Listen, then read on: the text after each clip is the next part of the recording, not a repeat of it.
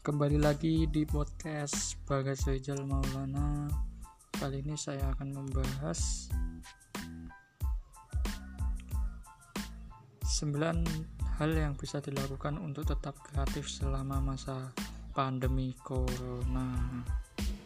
Oke, pembahasan episode kali kali ini adalah itu Pembatasan akibat pandemi corona COVID-19 telah mempengaruhi produktivitas dan kesehatan mental banyak orang. Bahkan sebagian pencari beli pulara melalui dunia maya mengisinya dengan konten-konten kreatif untuk membebaskan diri dari kebosanan dan ketakutan. Dari itu pula banyak yang menjadi terinspirasi, mulai mendapatkan informasi serta merasa terhibur oleh konten kreatif dari orang-orang seluruh dunia. Bagi sebagian orang, pembatasan aktivitas justru membuat mereka lebih kreatif dan mengembangkan diri agar kesehatan tubuh dan mental tetap terjaga. Berikut ini cara yang bisa dilakukan agar tetap bisa kreatif dan produktivitas di masa pandemi COVID-19. Ini dia, simak ya. 1. Bereksperimen Bereksperimen adalah bagian utama untuk membuat sebuah materi. Gunakan bahan-bahan murah dan bahan barang-barang rumah tangga untuk membebaskan pikiran. 2. Menjelajah untuk mengusir kebosanan. Pelajari dan jelajahi sejarah pribadi di keluarga, hubungan, dan insiden yang penuh terjadi.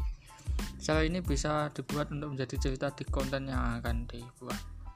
3. Penelitian Ambil buku-buku yang berat rak untuk nanti dan dengarkan podcast dari penulis dari intelektual. Gali lebih jauh subjek dan masalah yang bisa mendorong Anda untuk merespon. 4. Terhubung. Jangan hanya jadi pemerhati, tetaplah ikutilah kontribusi di dalamnya. Usulkan topik untuk melakukan diskusi kelompok. Tetapkan tugas harian untuk sesama penulis materi iklan. Kemudian buat proyek kolaboratif. 5. Dokumen Memanfaatkan kesendirian untuk mengatur studi, sketsa, dan karya seni Dapatkan pemahaman yang lebih baik tentang praktek yang dilakukan 6. Improvisasi Jika tidak ada akses ke alat dan peralatan yang digunakan Jangan biarkan hal itu menghentikan Anda Improvisasilah dengan serangkai sumber daya baru yang menghasilkan pekerjaan baru 7. Berkontribusi banyak kegiatan untuk kompetisi berhadiah yang ditawarkan di luar sana. Jangan ragu untuk mengikutinya. Jika merasa mampu, Anda tidak akan rugi dengan mengirim karya untuk berkesempatan mendapatkan pengetahuan baru dan hadiah. 8. Meningkatkan keterampilan. Dapatkan keterampilan baru untuk memperkuat hal-hal yang dilakukan. Dunia virtual akan menjadi penghasil pendapatan penting bagi mereka yang menjual dan mengajar di bidang seni.